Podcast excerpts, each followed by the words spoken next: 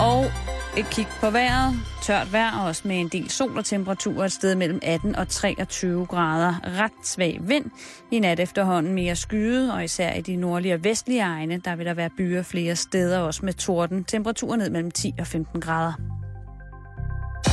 Du lytter til Radio 24 /7. Danmarks Nyheds- og Debatradio. Hør os live eller on demand på radio247.dk. Velkommen til Halløj i betalingsringen med Simon Jul og Karen Strohrup. I dag er det Karens fodsolsdag. Hurra, hurra, hurra. Hun sikrer sig gave for, som hun har ønsket sig med dejlig chokolade og kager til.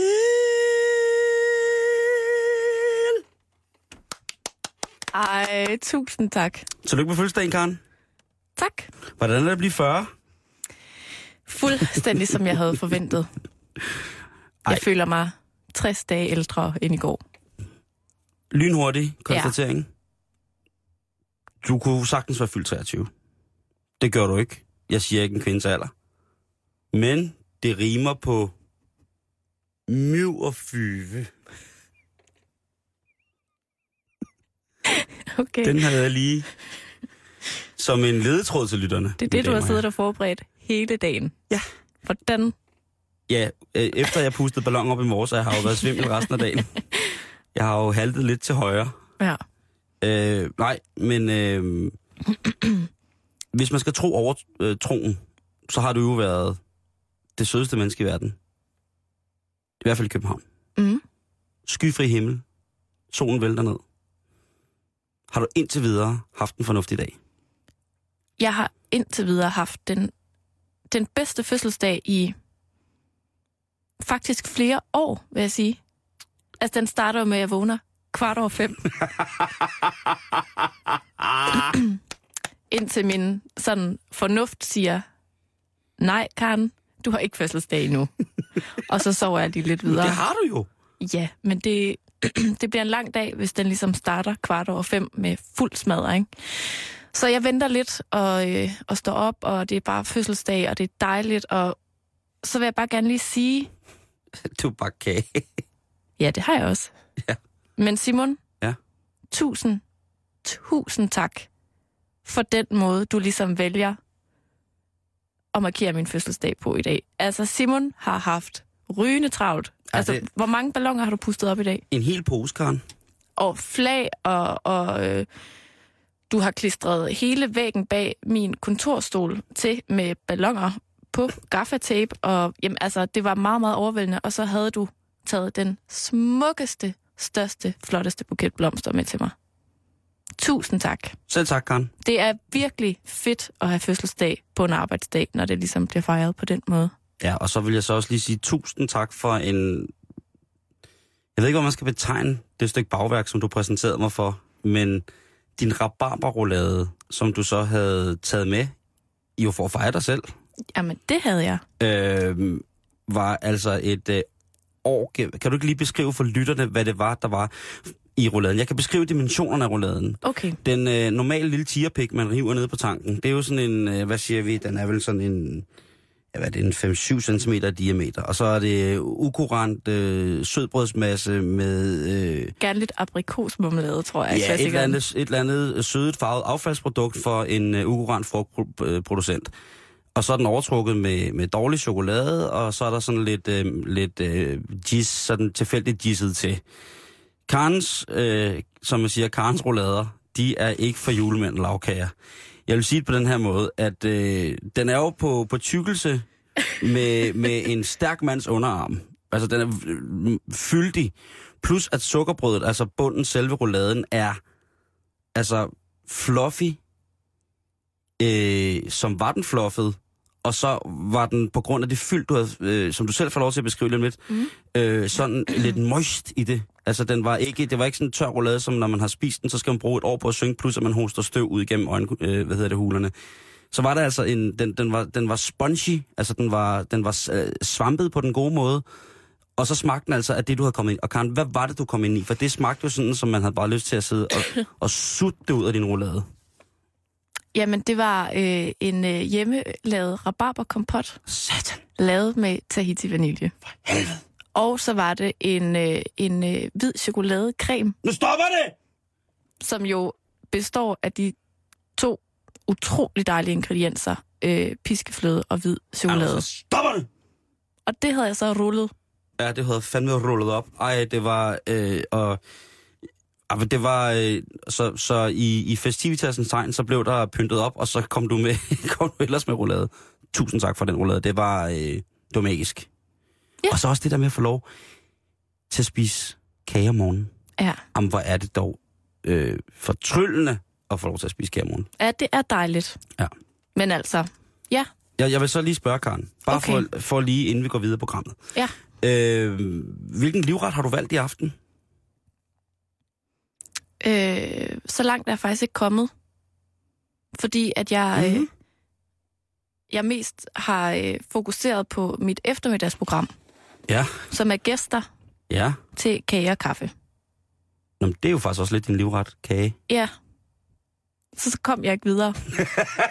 øhm, så det bliver noget med noget, noget fødselsdagshygge ude i gården.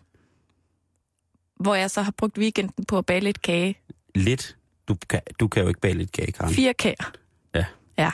Øh, og så tror jeg, at det bliver sådan noget med, hvis folk bliver hængende, at så sender jeg lige nogen ned for at købe nogle pølser. Lad mig da så i den sammenhæng understrege, eller påpege, at hvis, hvis bestandheden i de fire resterende stykker bagværk, du har præsteret i løbet af weekenden, Ja. er lige så standhaftige som den roulade, du har præsenteret mig for i dag, så behøves I ikke at gå efter pølse. Så kan I nøjes med roulade og, og kage. Jamen, jeg er jo kendt for det.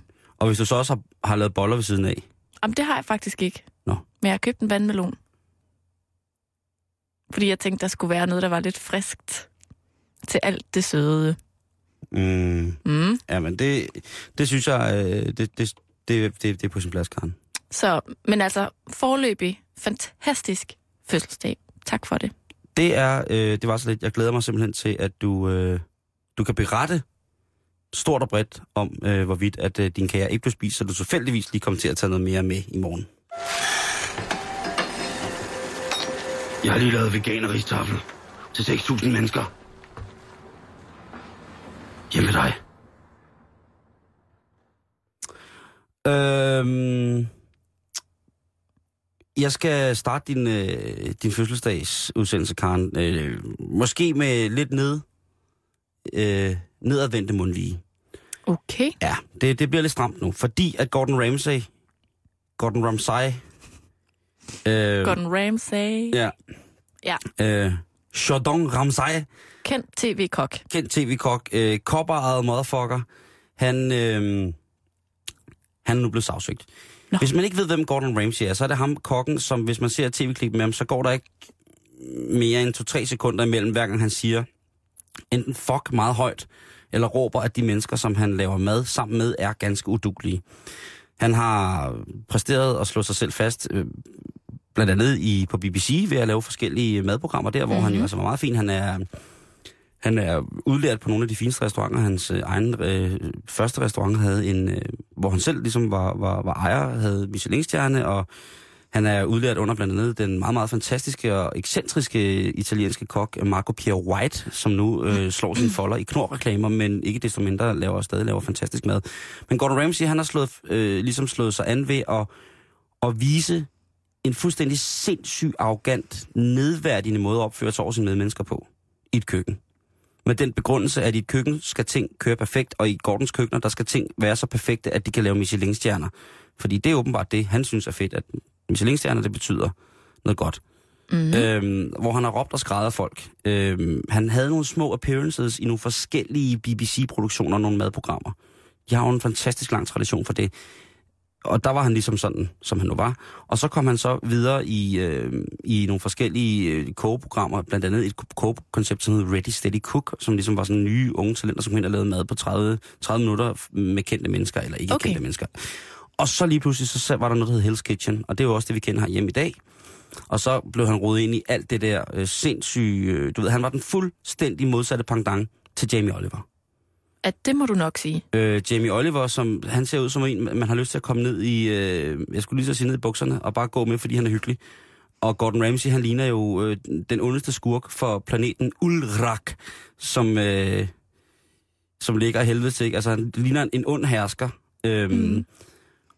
Og hvad hedder det? Øhm, men det har jo gjort, at han simpelthen har lavet restauranter i hele verden. Ja.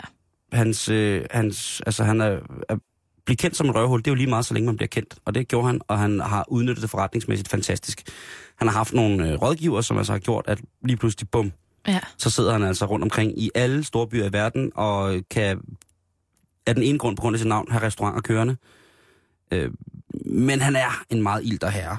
Og nu er det nok for hans medarbejdere. Okay. De har sagsøgt ham. Og hvor tror du, man sagsøger folk for at snakke grimt? Det kan man gøre i mange lande, men I USA? ja, og det gør man også i Los, Angeles, og så i Los Angeles. Hans restaurant The Fat Cow, som ligger i øh, restaurant, som er en, øh, hvad hedder det, forholdsvis ny restaurant. Der er tre medarbejdere sagsøgt ham for manglende overarbejdsbetaling, for at inddrage deres spise- og hvilepauser, og for verbalt at misbruge sine medarbejdere konsekvent hele tiden. Det synes jeg er tre meget sådan alvorlige anklager, ja, det, det vil jeg også faktisk. sige.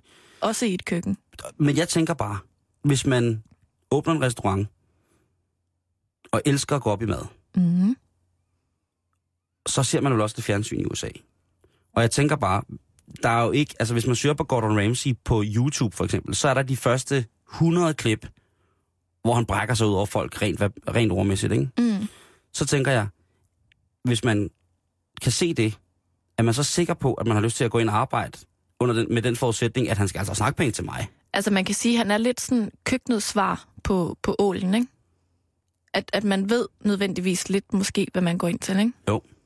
Jeg vil sige, at selv når Peter Olbæk snakker allergrimmest på mange punkter, og kalder folk øh, øh, mødre og fædre og andre familiemedlemmer for prostituerede og andre ting og sager, så vil jeg sige, det er... Peter Olbæk, han ser jo ikke troende ud. Nej, jeg har i hvert fald ikke, altså, ikke hvad man ved af, tænker jeg. Nej, altså hvis Peter Olbæk, han svinede mig, så vil jeg sige, Peter, kom nu hen og giv mig en krammer for helvede, ikke? Stop med Ja. det der, ikke? Så tager vi den. Gordon Ramsay, ham vil jeg hugge lige midt i masken med den allervarmeste stegepande, lige med det samme, hvis han kom hen. Han, jo- han tror jo folk. Det er jo det. Ja. Altså, han stiller sig jo troende an over for folk. Mm. Og det er hans, ligesom hans krops, øh, krops sådan, holdning, der gør det. Men i hvert fald, han er blevet sagsøgt, øh, hvad hedder det, og det har så lavet en lille steppebrand rundt omkring på hans andre restauranter. Okay. Hvilket jo ikke er så godt, fordi Nej. nu er han altså stævnet, og han mener, at han skal... Øh, han er blevet stævnet for 75.000 dollars. Ikke mere?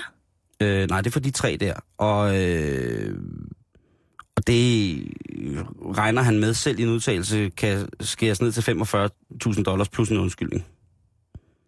Okay. Han er benhård. Altså, han er, han er, Han er jo pissehammerende ligeglad. han er pissehammerende ligeglad, ikke? Og han er så perfektionistisk til at lave forskellige ting. Det er meget, meget sjældent, jeg ser Gordon Ramsay lave nogle ting, hvor man tænker, det var helt nyt det der. Det var innovativt. Mm. Det er perfekt, det man får. 100% sikkert. Men det er ikke sådan, at jeg tænker, wow, der opfandt du den nye kernemælk. Altså, det er ikke ligesom, hvis man, hvis man går, øh, går på nogle ja, unavngivende restauranter i for eksempel det danske land, som serverer ny nordisk mad, hvor man tænker, det var lige godt pokkers det der. Ja. Det smager både godt, og sådan har jeg da aldrig nogensinde fået grus før. Men jeg, jeg, jeg tænker bare på det der med, som du siger, hvis nu man er, er kok og interesseret i de her ting, hvad er det så, tror du, der gør, at man, man ligesom gerne vil være i hans fold? Er det, er det så en eller anden, en eller anden søgen Masochisme? efter... Ja, eller, eller sådan noget... Øhm, det er også blevet nævnt i forbindelse med, med den dokumentar, der blev vist i går på DR1 om, om Centropa. Det her med, at, at der er nogen, der bare søger den der øh, bekræftelse fra far. Mm. Altså, om der også er nogle kokke, der sådan... Hvis du siger, at hans mad i princippet er sådan lidt sådan so and so, perfekt, jo jo, men at det så måske er mere ham som sådan karismatisk Det tror jeg. mand, far, Jeg vil, øh, som man så som, som øh, spirende kok gerne vil have at vide fra, at man er dygtig. Jeg har, jeg har lavet et tankeeksperiment, der hed, hvad skulle der til, hvis jeg skulle arbejde for Gordon Ramsay som kok? Som kok? Mm. Og øh, hvad ville jeg have ud af det nemlig? Ja. Og det, jeg ville have ud af det, det var, at jeg ville øh, prøve at kigge på, hvordan hans forretningsstruktur hang sammen. Jeg ville simpelthen prøve at se, om man, man kunne lære noget forretningsmæssigt af ham. Okay. Fordi madtingene, dem tror jeg, at øh, dem kunne man ret hurtigt komme efter, hvis man... Jeg skulle selvfølgelig nok lige tage noget kokkeskole og noget, men dem ville jeg nok altså, ret hurtigt kunne komme efter og ligesom efterkomme. Og der ville jeg sagtens kunne finde mig i, at for han stod og råbte og skreg ned i hovedet på mig. Fordi jeg vidste, at han var meget bedre til at lave det, end mig. Han har lavet det 10 milliarder millioner tusind gange, ikke? Jo. Så jeg vil have noget ud af at prøve det, øh, og så vil jeg øh, simpelthen øh, forretningsmæssigt se på, hvordan han drev sine steder. Fordi det er effektivitet ud i aller, aller yderste potens på mange punkter. Øhm, og øhm, jeg tror, Gordon Ramsay har øh, godt kan lide USA, fordi der kan man simpelthen øh, der kan man snakke sig grimt til folk, tror han. Fordi at der betyder pengene meget, meget mere. Altså, Ja. øhm, Money over bitches. Ja, simpelthen. Og det er jo øh, igen et, i min øje optik et fuldstændig sindssygt øh, øh, usympatisk træk. Mm. Øh, fordi jeg synes jo, det burde handle om maden, og det maden kan skabe socialt. Øh, og det, og det, det, det synes jeg måske... Han har jo prøvet at rette op på de der skavanker ved at lave alle mulige, hvad hedder det, kogeserier, hvor han er ude at rejse og alt muligt mærkeligt. Ja. Og ikke på et sekund i alle de programmer, som jeg har set.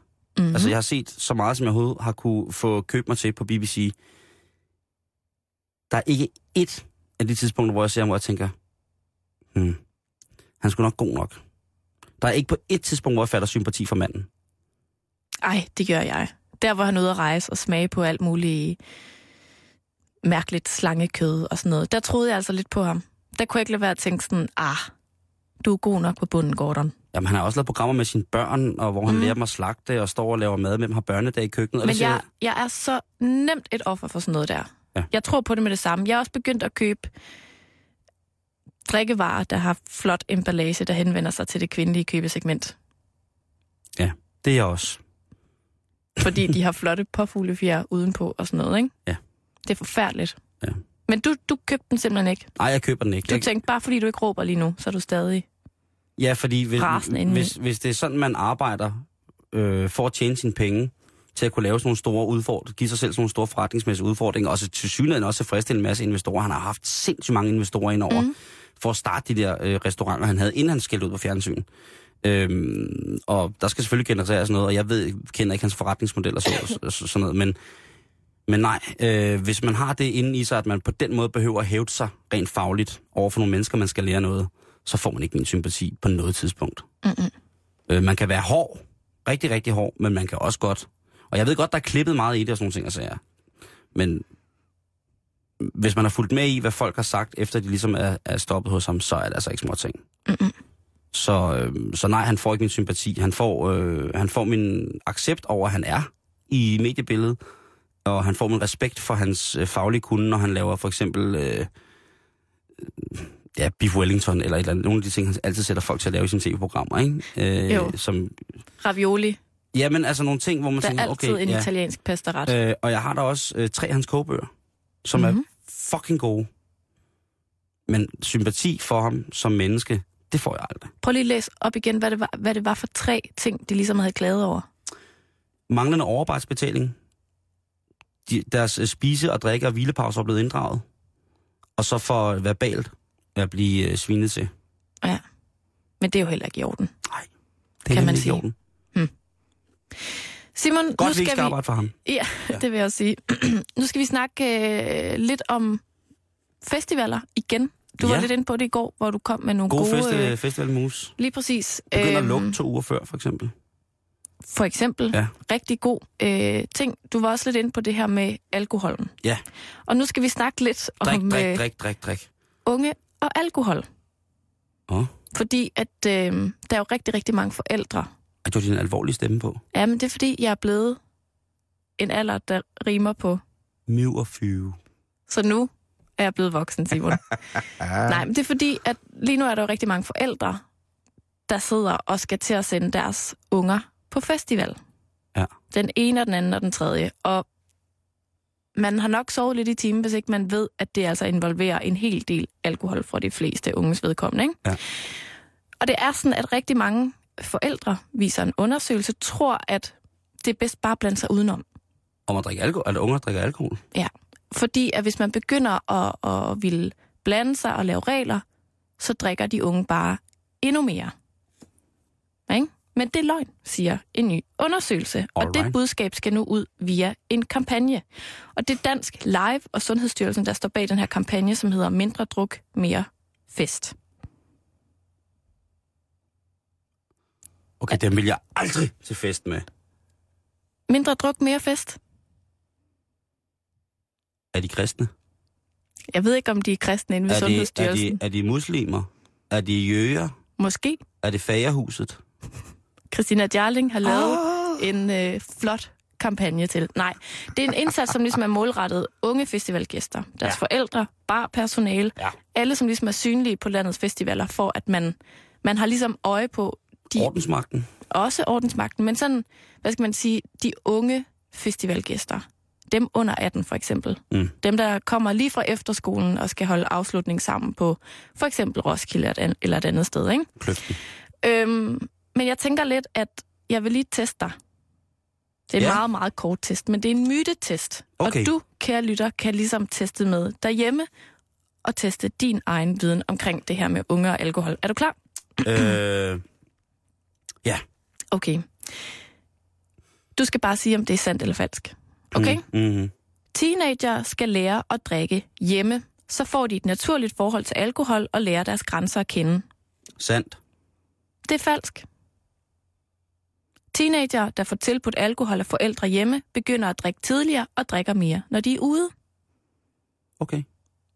Er du klar til den næste? Ja. Det er bedre at lade de unge drikke alkohol, så de ikke tager stoffer i stedet. Ja. Falsk. Unge, der ryger og ofte drikker sig fulde, eksperimenterer mere med stoffer end andre unge. Mm-hmm. Er du klar til en til? Ja. Forbyder man unge noget, bliver det først rigtig interessant. Ja. Forkert. Teenager drikker mindre, hvis forældrene tydeligt siger, at de først må drikke alkohol, når de bliver 16 år, sammenlignet med teenager, hvis forældre accepterer, at de drikker tidligere. Og Okay. er du klar til den sidste? Ja. Alle andre unge drikker meget alkohol. Ja. Det er også forkert. Knap halvdelen af danske 15-årige har enten aldrig været fulde, eller kun prøvet det en enkelt gang. Og faktisk ser det ud som om, at den her flotte, flotte verdensrekord, vi har i druk herhjemme, mm. altså i hvert fald for de unges vedkommende, den daler en lille smule. Åh. Men stadig så øh, viser den her undersøgelse altså, at hvis du, kære forældre, er lidt bekymret for dit barn, din søn eller din datter, eller dem begge to, så er det faktisk godt givet ud og snakke med dem om det. Var det ikke falsk? Nej, det er rigtigt. I hvert fald, hvis du vil have dem til at drikke mindre, så skal du sige til dem. Var det første spørgsmål ikke? At, når det var, hvis man blev tilbudt alkohol hjemme i en tidlig alder, så havde, øh, drak man mere. Ja. Øh, Hvis man lærer at drikke derhjemme, så, så drikker man mere. men hvad fanden er det for en undersøgelse? Altså, hvem fanden stiller bare en øl på, foran bordet, øh, på bordet foran deres øh, 12-årige, og så går? Jeg ved det ikke. Men jeg, jeg, jeg tror første gang, jeg drak en øl, det var også derhjemme. Ja, ja. Ikke at mine forældre satte en øl og sagde, værsgo, og så gik de. Men der er et eller andet omkring selvfølgelig, hvad for en alkoholkultur, du ligesom er vokset op med. Ja, det er rigtigt. Øhm, men jeg tænker bare på sådan, hvordan, hvordan vil du have det med, hvis det var dine unger, for eksempel? Nu er der jo ikke nogen af os to, der har børn, men Mhm. hvis nu det var dine unger, der skulle afsted på festival, Mm. vil du så blande dig, eller vil du ikke blande dig? Jeg skulle nok ikke blande mig særlig meget. Mm-mm. Jeg vil nok øh, gøre ligesom mig selv, øh, det der med learning by doing på mange punkter. Ja. Jeg fik da også nogle desinger derhjemmefra, men det var ikke sådan noget fuldstændig. Det var, for mig var det learning by doing, fordi jeg bare kastede mig ud af det og bare høvlede løs. Ja. Og fik det sindssygt dårligt, og så gik min far småklukket lidt af det, og min mor syntes, det var forfærdeligt. Øhm... Hvad med dig? Jeg ved du hvad, jeg har sådan tænkt over det i dag, ikke? og jeg kan huske første gang, jeg var fuld. Ja. Der skulle jeg til en fest. Du var 23. Det var i sidste weekend. Det var en stor oplevelse. Øhm, nej, det var faktisk i 8. klasse, og jeg kom lige fra landet. Ja. Jeg var kommet ind med firetoget fra Ja. Mols, flyttet til Aarhus, og jeg vil nok sige, at jeg tror, jeg har aldrig snakket med mine forældre om det, men jeg tror måske faktisk, det var svært at finde ud af det, fordi at jeg gik fra at være sådan total anti-alkohol på grænsen til hellig, tror jeg. Uh. Ja, virkelig sådan, jeg synes, Mm. det var så kikset. Til at flytte, øh, ja, altså, ja, spillet teater, hørt Kashmir, var fornuftig pige. Øh, og så flyttede jeg ind til byen, ind til Aarhus, der i midten af 8. klasse. Og i løbet af tre uger, så var jeg jo del af en... Fuldstændig. Dybt alkoholiseret. Ja. Ja. Men jeg var i hvert fald del af en helt anden drukkultur, ikke? Ja. Så efter tre uger i Aarhus, der er jeg til min første fest. Og der kan jeg huske, at jeg får en lille pose med. Med to flaskeøl og to halvliters colaer. Det er fedt at få med. Jamen, det var mega fedt, og jeg kan også huske, at jeg synes, det var helt vildt rart, faktisk, at, at det viste ligesom, hvad skal man sige, en form for forståelse fra mine forældre, der Mm. ligesom godt var klar over, at det her tog, det var ligesom kørt, ikke? Øhm, men faktisk har jeg tænkt lidt over i dag, at, mm, hvad skal man sige, jeg tror altid, jeg har været ekstremt dårlig til at drikke alkohol. Jeg har virkelig haft svært ved at styre mine brænder der. Mm. Det er først sådan i sidste weekend, jeg sådan har fået, ej det er det ikke, det, det er et par år siden, men det er først sådan, i løbet af de sidste par år, jeg har fået sådan et voksen forhold til at indtage al- alkohol, og jeg har sådan tænkt over i dag, om det havde ændret noget, hvis mine forældre havde sagt, ved du hvad, Karen, den, den måde, du kom hjem på sidste weekend, det slutter nu. Mm. Altså, jeg har fået kommentarer, og jeg har fået sådan, hvad skal man sige, fået at vide, at det er simpelthen ikke i orden, men det har ligesom ikke haft en, en konsekvens, sådan en alvorlig konsekvens. Nej. Så, så, så de der gange, at man er blevet kørt næsten bevidstløs hjem fra en fest, fordi man jo, jo på en eller anden måde siger, du, du gentager har kørt bevidstløs hjem fra en fest af druk. mange gange. Ja. Nej, men jeg tænker bare det der med, at jeg på en eller anden måde aldrig blev klogere, selvom jeg blev ved med at drikke mig alt, alt, alt, alt, alt for stiv. Mm. Simon, jeg har været hende der, den irriterende i en periode, kan jeg huske, der altid begyndte at græde til festerne. Kan du ikke huske hende? Jamen, det har jeg da også. Det er da så pinligt, og det havde jeg da ikke gjort, hvis ikke, at jeg havde ligesom stoppet før den der halve Mm. flaske martini med ananas sodavand i, ikke? Uh. Justor, prins Henriks yndlingsdrink. Hans Ja. cocktail number one. Men jeg, jeg synes bare, det er meget interessant, det her med, at hvad skal man sige, den undersøgelse, som den her kampagne, der kommer nu, ligesom bygger på, at den går på, at, at hvis man egentlig gerne vil hjælpe øh, sine børn, udover at få dem til ligesom at drikke mindre, men måske også vejlede dem lidt, så, så bliver man nødt til sådan at blande sig på en er eller anden måde. balancegang. Jeg tror, at øh, tror, det sidste, man skal, er at generalisere Det tror jeg også. i den der sammenhæng. Øhm, jeg havde de mest ansvarsfulde forældre, og de endte jo stadig op med at få en søn, som var, var forholdsvis alkoholiseret i en stor del af sine 20'ere. Øhm, ikke at jeg drak, så det gik ud over arbejde, eller det gik ud over på den måde, men jeg, når, jeg, når jeg havde lyst til det, så drak jeg bare. Og jeg satte ikke nogen grænser, jeg satte ikke nogen stopklodser i. Mm-mm. Øh, og det har intet med min opdragelse at gøre. Det kan jeg lige så godt sige, som det er. Det er der blevet fastlagt både fra lægelig og fra øh, psykologmæssig side, er ligesom fastlagt, det har ikke noget med det at gøre. Det har bare noget at gøre med, at jeg har et godt misbrugergen, som jeg tror, det bliver kaldt. Mm. Ikke? At hvis jeg tager en øl, så stopper den ikke der. Så stopper den, så stopper den, når jeg er sanseløs. Og, øh, og det har kostet mig blå øjne, øh, brækket fingre, øh, indsunket øjenhuler, brækket næseben, kæbeben, udslået tænder, øh, alt muligt lort, ikke? Og man lærer stadigvæk af det. Mm. Og derfor skal jeg, derfor der hvor jeg er i dag, øh, inklusiv at, øh, at min sukkersyge jo heller ikke byder mig en, en særlig god krop indvendig, så skal jeg stoppe med at drikke. Ja. Ikke? Jeg drikker måske...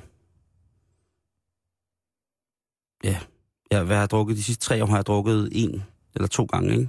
Mm. Og sidste gang endte det med, at der gik ild i mit hår. Midt nede i en skov i Thailand. Ja. Så stod mit hår i flammer. Og så tænkte du, det er derfor, at jeg ikke drikker mere. Nej, så... så Var det sendt tændt? Ja, det var det. Jeg troede, jeg var indianer skulle tænde cigaretter, så hang noget af mit hår fat i nogle, nogle fjer og noget papir, og så stod det hele i flammer, og jeg opdagede det ikke. Mm-mm. Og så sagde min, øh, min bedste ven, Martin, han sagde, så, Basse, så skal vi vist hjem. Og der sagde jeg så bare, ja, Ja. det skal vi. Jeg ved ikke, hvad man skal... Altså, det er jo også... Det er jo, der er selvfølgelig ansvar hos forældrene, men det er fandme også hårdt at give folk skylden for, hvis deres børn bliver alkoholikere, altså. Ja. Øh, fordi det er øh, alligevel på en eller anden måde en sørgelig tilstand at være ikke? Og hvis man alligevel...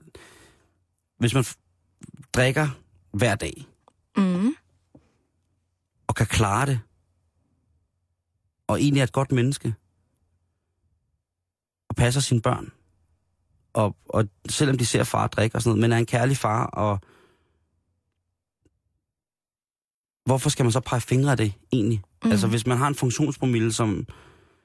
Øh, altså ja, selvfølgelig hvis funktionspromillen så forsvinder, så kan det måske være, at man bliver utærlig, ikke? Og det er selvfølgelig øh, ikke rart, men hvis man nyder et, st- en større mængde alkohol, end hvad gennemsnittet ligesom anbefaler, Mm. igen og igen og igen kan vi hive franskmændene frem, ikke? Og sige, jamen altså, jeg ved ikke, om de drikker mere, men de drikker der sikkert oftere alkohol, end vi gør, har et, et, til, til, til vis punkt mere afslappet ja. forhold til det.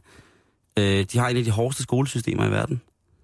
Øh, og der bliver børnene der introduceret for Vin Rouge øh, ret oui. tidligt, ikke? Jeg kunne godt tænke mig at lave et tankeeksperiment, ikke? Ja. Fordi der er ikke så mange i hvert fald, der er i tvivl om, at alkohol øh, i, i for store mængder Mm-hmm. er et problem, ikke? Øhm, og det, jeg synes, der, der er interessant ved den her kampagne, og som også er lidt det, jeg prøver at, at bringe i spil, jeg vil overhovedet ikke give mine forældre skylden for, at jeg ikke kan styre min brænder. Det er jo Mm. immer væk mit eget ansvar, og jeg er også vokset op i et fantastisk hjem, men, men det, jeg bare synes, der er interessant, og som jeg godt synes, man kan diskutere lidt, det er det her med, øh, at hvis du har børn, der er under 18, så er de jo stadig i en eller anden grad dit ansvar.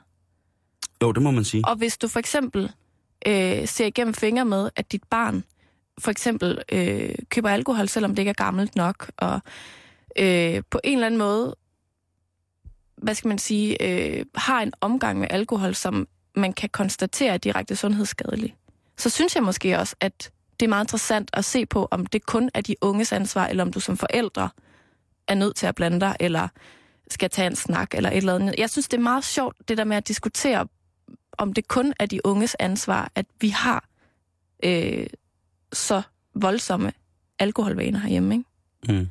Altså, hvor at, at det, det er lidt det samme som at snakke opdragelse og bla bla bla. Alt det der med, at, at forældrene måske også nogle gange synes, det er svært at være bussemand. Ikke? Og sige fra, eller i det hele taget at blande sig i deres teenagebørns liv og de der ting. Ikke? Ja, ja, så synes jeg også, du glemmer øh, perspektivet. Hvordan var vi selv i den alder? Jamen 100. Altså, jeg kunne da helt sikkert have lavet en rigtig flot scene, hvis der var nogen, der kom og sagde til mig, så stopper det. Men jeg kan huske, at jeg engang øh, sagde, at nej, nah, Anne-Sophie køber en flaske Asti for mig. Og der sagde min mor faktisk, tror jeg det var, eller min far, det kan jeg ikke huske, at det var ikke i orden, fordi jeg var ikke gammel nok til at købe alkohol. Og hvis jeg skulle have noget med til fest, så måtte jeg øh, øh, snakke med mine forældre om det. I stedet ja. for det der med at få andre til at købe Mm. og sådan noget. Og det kan da godt være, at det var et forsøg Det på var at fandme ligesom... også dumt sagt, Karen. Jamen, altså, kæft, jeg er jo en sagt, idiot, ikke? Ej, altså. Men det tænker jeg, at, at det var måske et forsøg på ligesom at vide, hvad har Karen med i tasken, ikke? Ja. Altså, Simon, det var jo dengang, jeg kan huske. Hold kæft, det er egentlig dumt. Jeg kan huske, i min stigereol, der havde jeg alle de tomme ølflasker stående, som sådan lidt et trofæ. Ja, ja, det havde jeg da også. Og sådan en, en, en, en flaske martini igen, med sådan 10 centiliter tilbage. Mm. Men Hvis, den stod der, ikke? jamen altså, hvis man... Fordi man drak alkohol. Ja, hvis, det, må man, det må sgu man have stået frem. Det kan jeg da også huske at samle på kapsler og jamen, altså, Oplukkersamling og sådan noget. sprøjter. Ja. Indgangslejder. Ja, det var, øh, det var en fin tid. Men Jeg synes bare, man skal diskutere det. Jeg vil ikke sige, hvad der er rigtigt og forkert. Altså, det er jeg ikke engang sikker på, at jeg selv ved. Jeg synes bare, at nu er det snart festivaltid, og hvis du, kan lytter, sidder og er lidt sådan, er egentlig med mine børn, der skal afsted, jamen så... skal I ikke spørge mig? Og I skal heller ikke spørge mig, men I kan snakke sammen om det måske. Og finde ud af, hvad jeres holdning egentlig er til det. facebook.com betalingsringen øh, smid din øh, mening eller dit øh, besøg med op i den her diskussion med unge og alkohol. Altså festival er noget lidt specielt, ikke Karen? Jo. Altså det synes jeg jo. Jeg læste faktisk ind på deres side, at grunden til, at de er bange for de her helt unge, det er, at, at det også er sådan noget med, hvis der er nogen, nogen, der går kold i et helt vildt varmt telt. Ja. Og de der skader og Ja. seksuelt overførte sygdomme, og hvad har vi, hvad har vi? Ja, men ved du hvad? Man kan godt klare den alligevel. Jeg tror, jeg har prøvet det hele på festivaler. Og det er på Roskilde Festival. Jeg tror, jeg har prøvet det meste. Men du er jo også manden bag den gode øh, festival do's and don'ts liste. Jamen, det er rigtigt. Du er jo gået i gang med at forberede Det dig. altså, øh, når alkoholen har drænet din krop i en brand, og du vågner op i et 80 grader varmt telt med en øh, nordmand kun i læderbadebukser, der ligger og krammer dig og spørger, har de med det hash? Så tror jeg, at, øh, og så man siger, ja, så tror jeg, at øh, så er man øh, lige så stille, øh, så er man lige så stille på vej et sted hen, hvor at øh, festivalen begynder at virke rigtigt. Ja. Fordi at man skal jo så også vide, at festival, man ser jo nogle typer festival, hvor man tænker, hvad, hvad, øh, når lige så snart festivalen slut, graver de sig så ned i jorden. Hvor og, bor du henne og så normalt? kommer de først frem lige så snart, at der kommer frisk pis på græsplænen igen. Så kommer der sådan en op. Hallo, jeg, jeg hedder Bjørdur, og jeg er fra Stavanger. Og, øh, hvad hedder det? Og så går de i gang med at feste igen, og de, de jeg ved sgu ikke, øh, jeg ved sgu ikke, om, om man kan sige, øh, altså, lad den slippe løs. Jeg kan huske, at Ole Borndal, han skrev noget ret fantastisk omkring festivalen sidste år. Øhm, og jeg skal prøve at se, om jeg kan, jeg kan finde det frem her. Øhm, han havde hentet sin søn på mm. Roskilde Festivalen, og der havde han skrevet et, øh, et, et festivalcitat, som jeg i hvert fald ved, at der på et tidspunkt lå på festivalsiden, hvor han skrev en, øh, hvad hedder det, øh, Mm. På deres hjemmeside, eller hvad? Så det ja, havde de brugt det som tror, sådan et... Ja, det tror jeg, det var det. Øh, Mm. Øh, hvad hedder det? Øh, øh, Hvor gammel er hans søn, ved du det?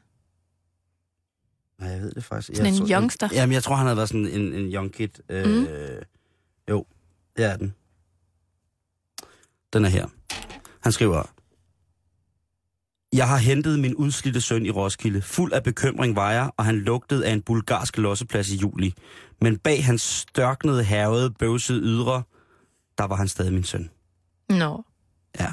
Det er meget fint. Øh, det synes jeg er øh, et eller andet. Øh, der var også noget andet, men der, der manglede lidt i det der citat. Øh, Mm. Åh, oh, jeg synes, det er svært ja. med det der. For du har fuldstændig ret, man var jo ikke en engel selv.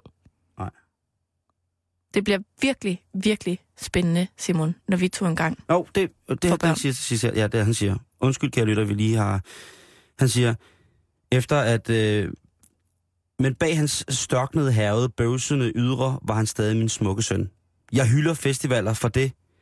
De kan smadre ungdommen, men kun i de ydre. I det indre er jeg sikker på, at de får blomsten til at vokse. Mm. Bum! Slut. Så snakker vi ikke mere om Roskilde Festival. Sådan. Yes. Dejligt. Tak til Ole. Ja, selv tak. Øh, apropos festivaler, Karen, Ja. så skal vi snakke om det der med at sove. Okay. Fordi man kunne godt have brug for lidt søvn efter... Ah, det er virkelig også en søgt øh, overgang. Men du får Ja, den jeg her. synes, det var elegant. Ja, det er flot. det synes jeg. Hvad hedder det? Den øh, amerikanske sundheds- og helbredshjemmeside øh, prevention.com, de har lavet en øh, undersøgelse, hvor at øh, de prøver at gøre op med fire såkaldte søvnmyter. Mm. For eksempel det der, øh, kan det passe, at man kun har brug for, at man sagtens skal klare den med en 4-5 timers søvn. Ja. Og det er der, vi starter. Okay. Og der udtaler David Schulman, som er en af lægerne og søvneksperten bag den her øh, undersøgelse, som, øh, og han er fungerende ved Emory øh, Universitetet i USA. Han siger, at nej, det kan man ikke. Alle, næsten alle mennesker, har brug for mellem 6 til 8 timer søvn. Restituerende, således at de kan komme sig øh, til dagen efter. Okay. Hvad hedder det? Øhm, det er simpelthen usundt for kroppen. Det andet, det slider, slider, slider, slider, slider. Og det er også det, man ser. Og det medfører jo, som man også har kunne læse de sidste når jeg 100 år, øh, ting, hvor stressrelaterede sygdomme, blandt andet på grund af søvnmangel, øh, jo er årsag til utrolig mange dødsfald. Mm. Uha, uha, uha. Men han skriver også noget andet interessant. Det er, mindre end 1% kan klare sig med, med 6 timers, mindre end 6 timers søvn. Altså mindre end 1% kan klare sig med mindre end 6 timers søvn. Okay. Og øh, det er fordi, at der er sket en genmutation i kroppen. Helt præcis, hvad den går på, ved jeg ikke. Men han siger, at det er en genmutation, øh, der gør, at man kan klare sig med de her øh, op til 25-30% mindre søvn end alle andre.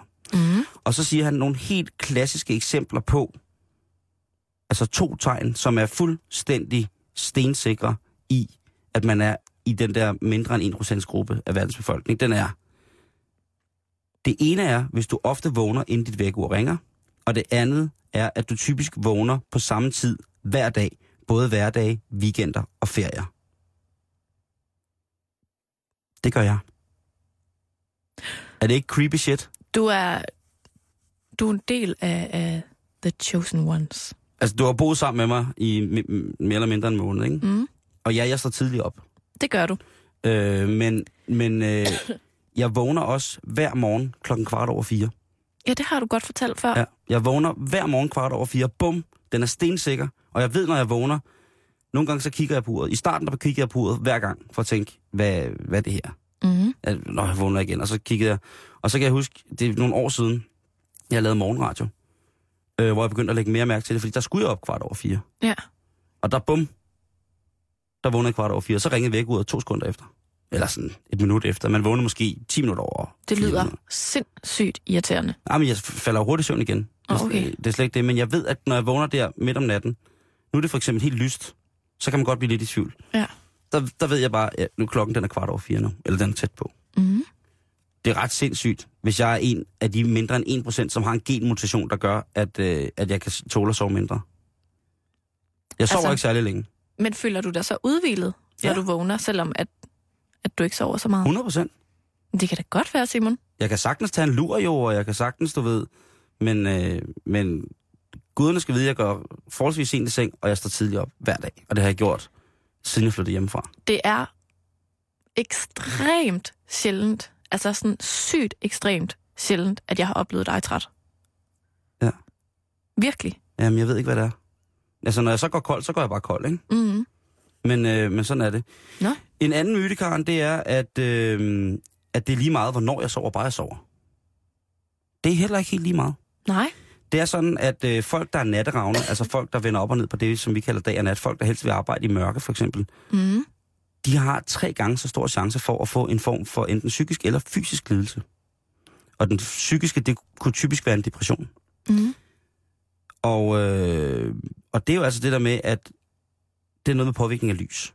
Ja. Det er også en lang øh, øjnenes påvirkning af lys. Man ved jo for eksempel, at høns, der er i bur øh, hos sådan nogle sataner, der dyrker sådan nogle høns, øh, de har lyset tændt hele tiden, så de bare tror, det er dag hele tiden, så de glemmer at sove, men så skider de bare ikke hele tiden. Ej. Øh, man ved, at øh, kvinder, der bor ved steder, hvor der er øh, permasol om sommeren, jeg ved ikke, hvad det hedder, om det hedder permasol, men midnatssol, øh, at deres cyklus, den, øh, den kan fuck helt op øh, på grund af påvirkningen af lys i så mange timer ad gangen. Mm. Øh, og man ved, at lys har en generel indvirkning på kroppen. Altså, så det er noget hormonelt. Ja, ja, men man behandler jo også folk, der har depressioner med lysbehandling, for eksempel. Mm. Øh, så nej, det er ikke fuldstændig meget, hvornår du sover. Altså, øh, Det er bedst at sove om natten. Ja, Lisa Scheif, som er søvnekspert og grundlægger af North Shore Sleep Medicine, hun siger, at øh, den her forskningsgruppe, den her, øh, som har undersøgt øh, en masse mennesker, tror det er over 5, eller 8.000 mennesker, tror jeg det er, de siger, at jamen, øh, tendensen til at have, øh, have hvad hedder det, et, et psykisk knæk under opsejling er meget, meget større hos folk, der er natteravne. Også fordi man på den måde isolerer sig helt vildt. Mm. Så der er alle mulige ting, der gør, at man skal huske at sove om natten. Ja. I, altså, nogle gange. Nogle gange skal man jo også være op om natten. Jeg elsker at være op om natten nogle gange, men nogle er gange også skal man. Sove. Ja. Påstand nummer 4. Du kan indhente din søvnmangel i weekenden. Øh, nej. Nå. Du kan godt sove øh, til middag og sove hele weekenden væk, men øh, det får du som regel aldrig tid til, fordi du har så mange andre gørmål i weekenden. Ja. Og det man skal gøre, det er, at øh, man skal sørge for, for eksempel for unge mennesker, vi kommer til det lidt senere her, at øh, unge mennesker sover mindre og mindre i, øh, i Danmark. Og det er også er f- ved at være lidt et problem, fordi så kan de ikke passe deres skole og sådan ting. Og, og så er vi tilbage i det der med natteroderiet og natteravnen. Mm. Hvad hedder det? Øh, det, som de kommer, kommer frem til i forhold til det her, det er, at jamen, du skal huske at sove, når du er træt. Det er utrolig vigtigt. Og hvis du synes, at du stadig er træt, efter at du har behov for mere end 8 timer søvn hver nat, øhm, de, de, så, så skal du måske spørge nogen om, der er et eller andet, der, der du kan gøre ved din søvn, eller om der er noget galt. Fordi at den normale krop egentlig bare lægger sig op af, jamen 8 timers restituerende søvn. Det, der kan du fungere, medmindre du selvfølgelig er ekstrem sportsmand eller et eller andet, og skal Mm. mm. Tour de France eller andet. Så skal, dem, dem bliver du også lige nødt til at have, for du ikke får, øh, for, hvad hedder det, rende under øjnene øh, Ja. alt, alt, alt, for meget, eller du kommer til at ligne Muerta, som han hedder. Muerta caliente. sige. Øhm, og det synes jeg bare er, er, er vildt. Altså, jeg faldt jo over artiklen, fordi der var det der med, øh, sover man virkelig Mm. så lidt? Ja. Det var en kammerater, der sendte det til mig og sagde, jo, er det her dig? øhm, så gik jeg ind i det der med, at øh, man siger, at øh, så, eller så kommer vi til det her, hvor at vi snakker om, hvad, hvad er det at sove? Hvornår restituerer vi? Hvornår mm. er vi... Øh, hvornår er vi ligesom i dyb, dyb søvn, en dyb søvn, der gør, at vi drømmer meget og kan utrolig meget. Øhm, for eksempel gå i søvn. Ja. Øh, eller, hvad hedder det, snakkesøvn, eller på anden måde være aktiv, når man, når man sover. Øh, og man kan sige, den, øh, hvad hedder den, den første fase af søvnen, det er, eller en af faserne af søvn, det er det, der hedder døs. Let søvn. Mm. Eller slow wave søvn. Øhm, som så, eller døs og let søvn, det går over til det, der hedder slow wave søvn, som er dyb søvn. Og slow wave søvn går så over i delta søvn, som så er den aller, aller dybeste form for søvn. Mm. Øhm, og hvis man sover 8 timer i døgnet, så består søvnen typisk af 2 timers dyb søvn, 2 timers REM-søvn og 4 timers let søvn. Så man har sådan øh, lidt forskellige ting, og kroppen den lukker helt ned og nulstiller, og så begynder den lige så stille at selv opstarte, starte op og køre igen. Ikke? Mm. Øhm, perioderne det her, de aflyser hinanden i faser på cirka halvanden times varighed. Og det her, det er, øh, det er en stille og rolig wiki, Wikipedia-ting. Okay. Jeg skulle bare lige tænke, hvad det var, det der med, når man sov forskelligt. At, fordi folk siger, at man sover dårligt. Jeg har sovet dårligt. Hvorfor du sovet dårligt? Ja, så vågnede jeg, så, eller så sov, sov jeg lidt let, og så faldt jeg helt i søvn, og så... Det er åbenbart, det, det skal man åbenbart. Det, man skal, Det er naturligt. det er helt naturligt at have forskellige faser af sin søvn. Ja. Øhm, og det synes jeg jo er, er sindssygt. Nå. Så kommer vi til den her undersøgelse, der viser, at øh, de 16-19-årige i gennemsnit kun sover 6 timer og 25 minutter på hverdag i Danmark. Det er ikke nok. Øh, nej, ikke i Danmark, i Norge, siger jeg. Øh, det er en Så er undersøgelse... det slet ikke nok. Nej, det er en undersøgelse fra, fra Bergens Universitet med, øh, med en, øh, hvad hedder det, med basis øh, på, i undersøgelser af 10.000 unge menneskers unge, øh, søvnvaner. Mm. Og øh, hvad hedder det, det er simpelthen, øh, der er vi ude igen det der forældre, at det er noget sløs fra forældrenes side, fordi forældrene skal beordre deres børn til at sove. Jamen, så er vi tilbage ved den der igen. Altså, Karen Simon, 16 år. Ja. Kan du så sove? Mm, ja, ja, Fuck dig. ja, lige præcis. Jeg skal se Alt muligt. fjernsyn. Ja. Og jeg skal lege med tablets. Ja, man skal alt muligt. Og jeg skal på Instagram. Øhm, og det er åbenbart et kæmpe, kæmpe problem, simpelthen, at øh, de, de simpelthen ikke sover, øh, sover nok, fordi at det så kan blive, ja, hvad kan man sige, øh, et folkesundhedsproblem i den generation, som de ligesom skal være. Ja. Og der er der mange, så er folk skyder jo skylden på datamater og andre former for elektroniske gadgets, ikke? Ja, det kunne ligger lige for, ikke? Mobiltelefoner, ikke? Øhm, men jeg synes stadig, at, at, det er vildt. Øh, søvnforskeren og lægen, Marie Hysing, som har stået i, i spidsen for den her undersøgelse, hun siger, for nogen kan for eksempel sen træning reducere sovetiden på grund af, at kroppen producerer masser af adrenalin og endorfiner. For andre er brug af mobil hovedproblemet. Tag de unge alvorligt og vær interesseret. Jeg tror, at mange forældre kommer et godt stykke af vejen bare ved det. Og det er sådan hende, forskeren der, så hun siger, ud af den der kæmpe undersøgelse, siger hun, så kommer hun frem til at konkludere, jeg tror måske, at mange forældre, de skulle bare tage at snakke med deres børn. Ja. Men så har vi lige været ude i debatten med alkohol. Ikke? Ja, men, det, det, men det, der er jo ikke nogen, der har sagt, at det skal være nemt Nej. Ej, nej. at være forældre, vel? Nej. kan man sige. Men det, det, er da, det er da spændende at se, om der kommer sådan en hel generation af Men interessant, at det bliver påpeget... depressive mennesker, ikke? Ja, ja. Det bliver påpeget i Danmark, øh, og det bliver påpeget i den grad i Norge. Øh, og det er et stigende problem, øh, også konstateret i Mhm. USA. Men, Det, men, men hvad skal man gøre? Karen, jeg ved ikke, jeg siger bare, at... Øh, Giv alle en klokradio. Inddrag telefonerne, når klokken den er 22.00 dut. åh, klokradio, det vil, det vil man altid gerne have. Klokradio, det kan man altid bruge.